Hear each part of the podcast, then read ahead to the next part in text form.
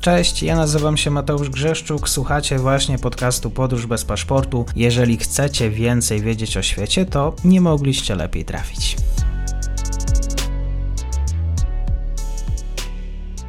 Dzień dobry wszystkim słuchaczom. Dzisiaj powracamy do Ameryki Łacińskiej. Ze mną jest pani doktor Janna Gocławska-Bolek. Będziemy rozmawiać o tym, że w Kolumbii właśnie ginie coraz więcej aktywistów ekologicznych. Tymczasem oddaję pani głos i dzień dobry.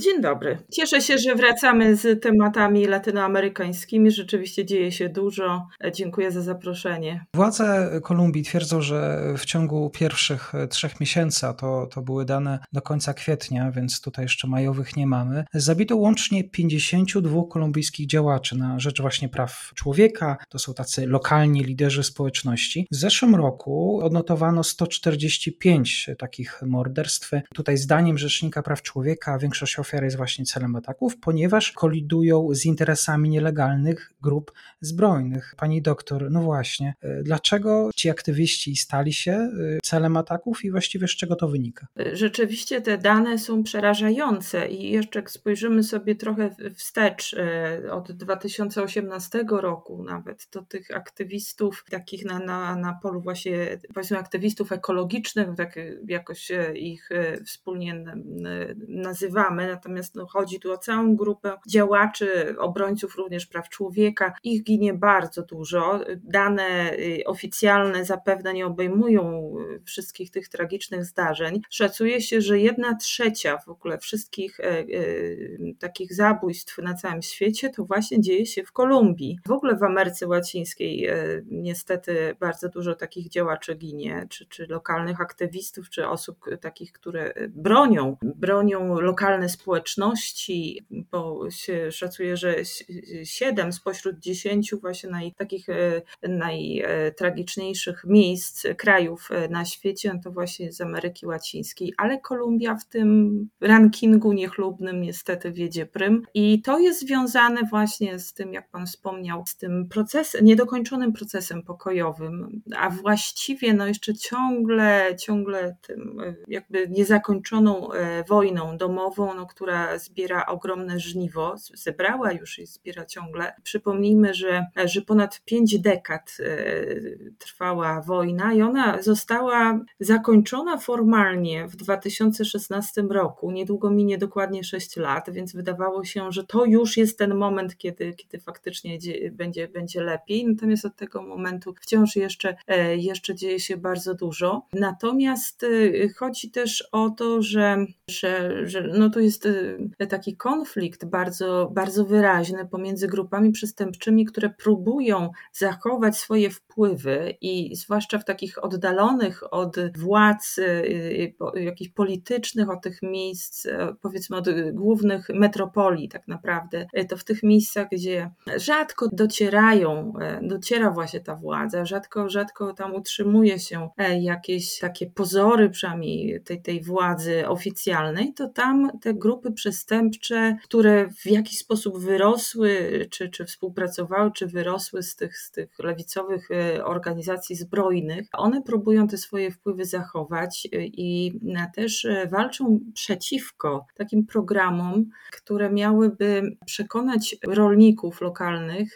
do tego, aby te uprawy koki, no, z których do, do tej pory się utrzymywali, żeby zamienić je na uprawy innych roślin, przede wszystkim kawy, choć, choć nie tylko. I tu dzieje się niestety bardzo dużo złego, dlatego że te uprawy y, kawy czy, czy innych takich roślin już y, mile widzianych przez, przez władze, są bardzo często niszczone. Znajdują się też miny przeciwpiechotne, które wcześniej, wcześniej zabezpieczały jakby plantacje koki przed tym, że tam jacyś niepożądani e, ludzie nie przyszli i nie zaczęli się temu przyglądać. Wciąż jeszcze one gdzieś tam się przecież znajdują, nie wszystkie zostały zebrane i te miejsca nie są zabezpieczone, ale też bardzo często jest, e, jest tak, że te programy, które mają pomóc mieszkańcom wsi, no, którzy wcześniej tak naprawdę niewielki mieli wybór poza sprzedawaniem koki grupom zbrojnym, finansowanym właśnie, którzy swoją działalność finansowali przede wszystkim z handlu kokainą. Oni w ramach, w ramach, w ramach tego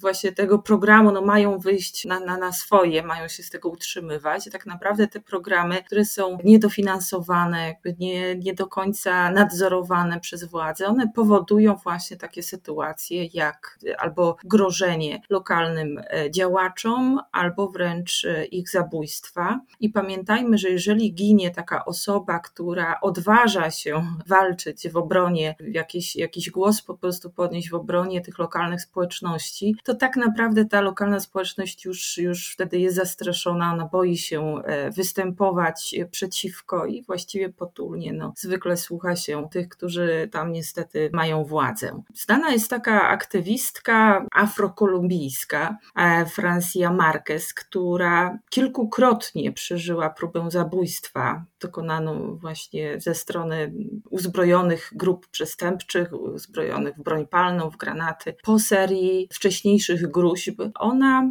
walczyła właśnie w obronie, w, obronie tych, tych ziem. Pamiętajmy też, że to są bardzo takie bogate pod względem bioróżnorodności, ziemi bardzo atrakcyjne też, gdzie, gdzie jeżeli te lokalne grupy no, prowadzą tą swoją działalność, to to wszystko też ma niestety bardzo silne przełożenie na ekologię i w ogóle na niszczenie tych, y, tej, tej bioróżno, bioróżnorodności. Francia Marquez jest, jest taką bardzo znaną w Kolumbii działaczką, która nie pozwoliła się zastraszyć. Ona jest taką pierwszą afrokolumbijską obrończynią e, e, praw tych lokalnych e, grup i, i w ogóle przyrody, a jest o tyle ważną postacią, że dzisiaj startuje w wyborach prezydenckich jako potencjalna wiceprezydentka. I to jest pierwszy taki w historii moment, kiedy być może właśnie wiceprezydentem zostanie kobieta. I to jeszcze no, w bardzo ciemnym odcieniu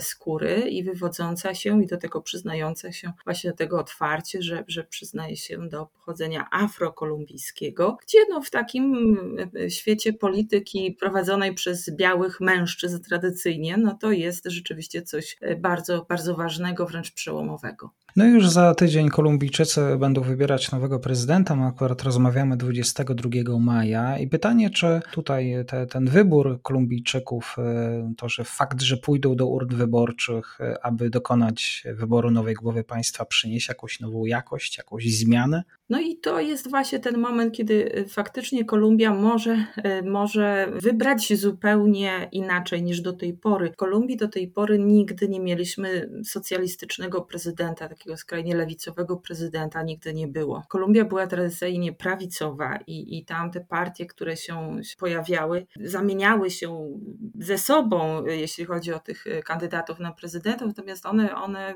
zawsze prezentowały jedną linię tak naprawdę. A dzisiaj sytuacja wydaje się zupełnie odmienna i jest bardzo prawdopodobne, że, że to jest kolejny kraj Ameryki Łacińskiej, który będzie podążał takim, za takim trendem regionalnym, to znaczy śladami takich krajów jak Chile, Peru, Honduras, które, które właśnie w ostatnich miesiącach dokonały wyborów, odwróciły się od tradycyjnych liderów na rzecz kandydatów alternatywnych, tak bym powiedziała, no bo w Kolumbii również mamy taki przypadek, że największym poparciem dzisiaj cieszy się taki skrajny kandydat, lewicowy kandydat, Gustavo Petro, który w ostatnich sondażach e, zyskuje około 35% poparcia, e, gdzie, gdzie drugi w kolejności kandydat Federico Guterres e, ma około 19, więc, więc tutaj najprawdopodobniej pomiędzy nimi dwoma się rozegra ta kluczowa walka, ale warto, warto wskazać, że właśnie Petro E, to jest człowiek e, wywodzący się z partii lewicowej, co, co może, może wskazywać na to, że tutaj ten trend będzie, będzie właśnie taki podobny jak w Chile czy, czy w sąsiednim Peru. To jest, to jest ciekawa postać, ten Gustavo Petro. To jest dzisiaj poważny, 62-letni e, polityk, doświadczony w, w garniturze, w okularach, dobrej firmy. Natomiast on jako 17-letni chłopak wstąpił do takiej E, e, grupy M19, czyli związanej z właśnie z tą, z tą geriją e, kolumbijską, jedną, jedną z grup. Co prawda on na przykład nie brał udziału w porwaniu ambasadora USA, z czego jest znana ta grupa, ale no niektóre z jego, z jego takich pomysłów ówczesnych to były takie bardzo radykalne, które gdzieś tam się dzisiaj również można, można je odnaleźć. Co prawda ta grupa M19 została no, przemieniona w jakąś taką taką bardziej polityczną formułę i, i Petro już od tamtej pory jakby nie identyfikuje się z tą partyzantką, no ale jednak to gdzieś tam w historii pozostaje bardzo silnie jednak rzutuje na te, na te, jego, na te jego pomysły. On zobowiązuje się na przykład nie, do obalenia przyjaznego dla inwestorów modelu gospodarczego kraju, który tradycyjnie związany był bardzo z gospodarką Stanów Zjednoczonych, więc tutaj są pewne takie przemyślenia dotyczące kluczowych zasad takiego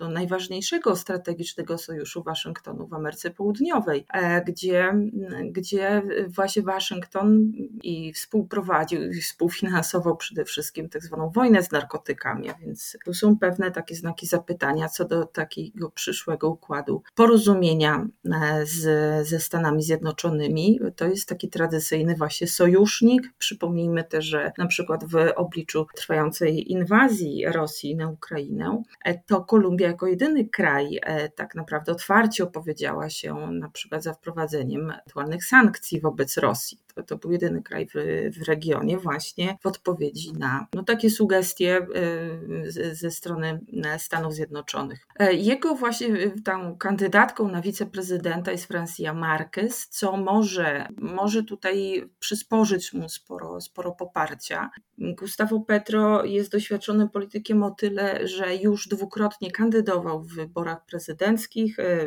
do tej pory przegrywał, ostatnio przegrał właśnie z Iwanem Duque, który, który w tej chwili mm, jest prezydentem i, i który bardzo szybko stracił poparcie. On bardzo silnie negował właśnie te porozumienie z, z FARC, e, które stało się podstawą wcześniej w 2016 roku podpisanego, właśnie podpisanego pokoju. I Iwan, e, Iwan Duque no jest w tej chwili bardzo silnie krytykowany, nie tylko przez Gustavo Petro, ale przez, przez większość społeczeństwa kolumbijskiego.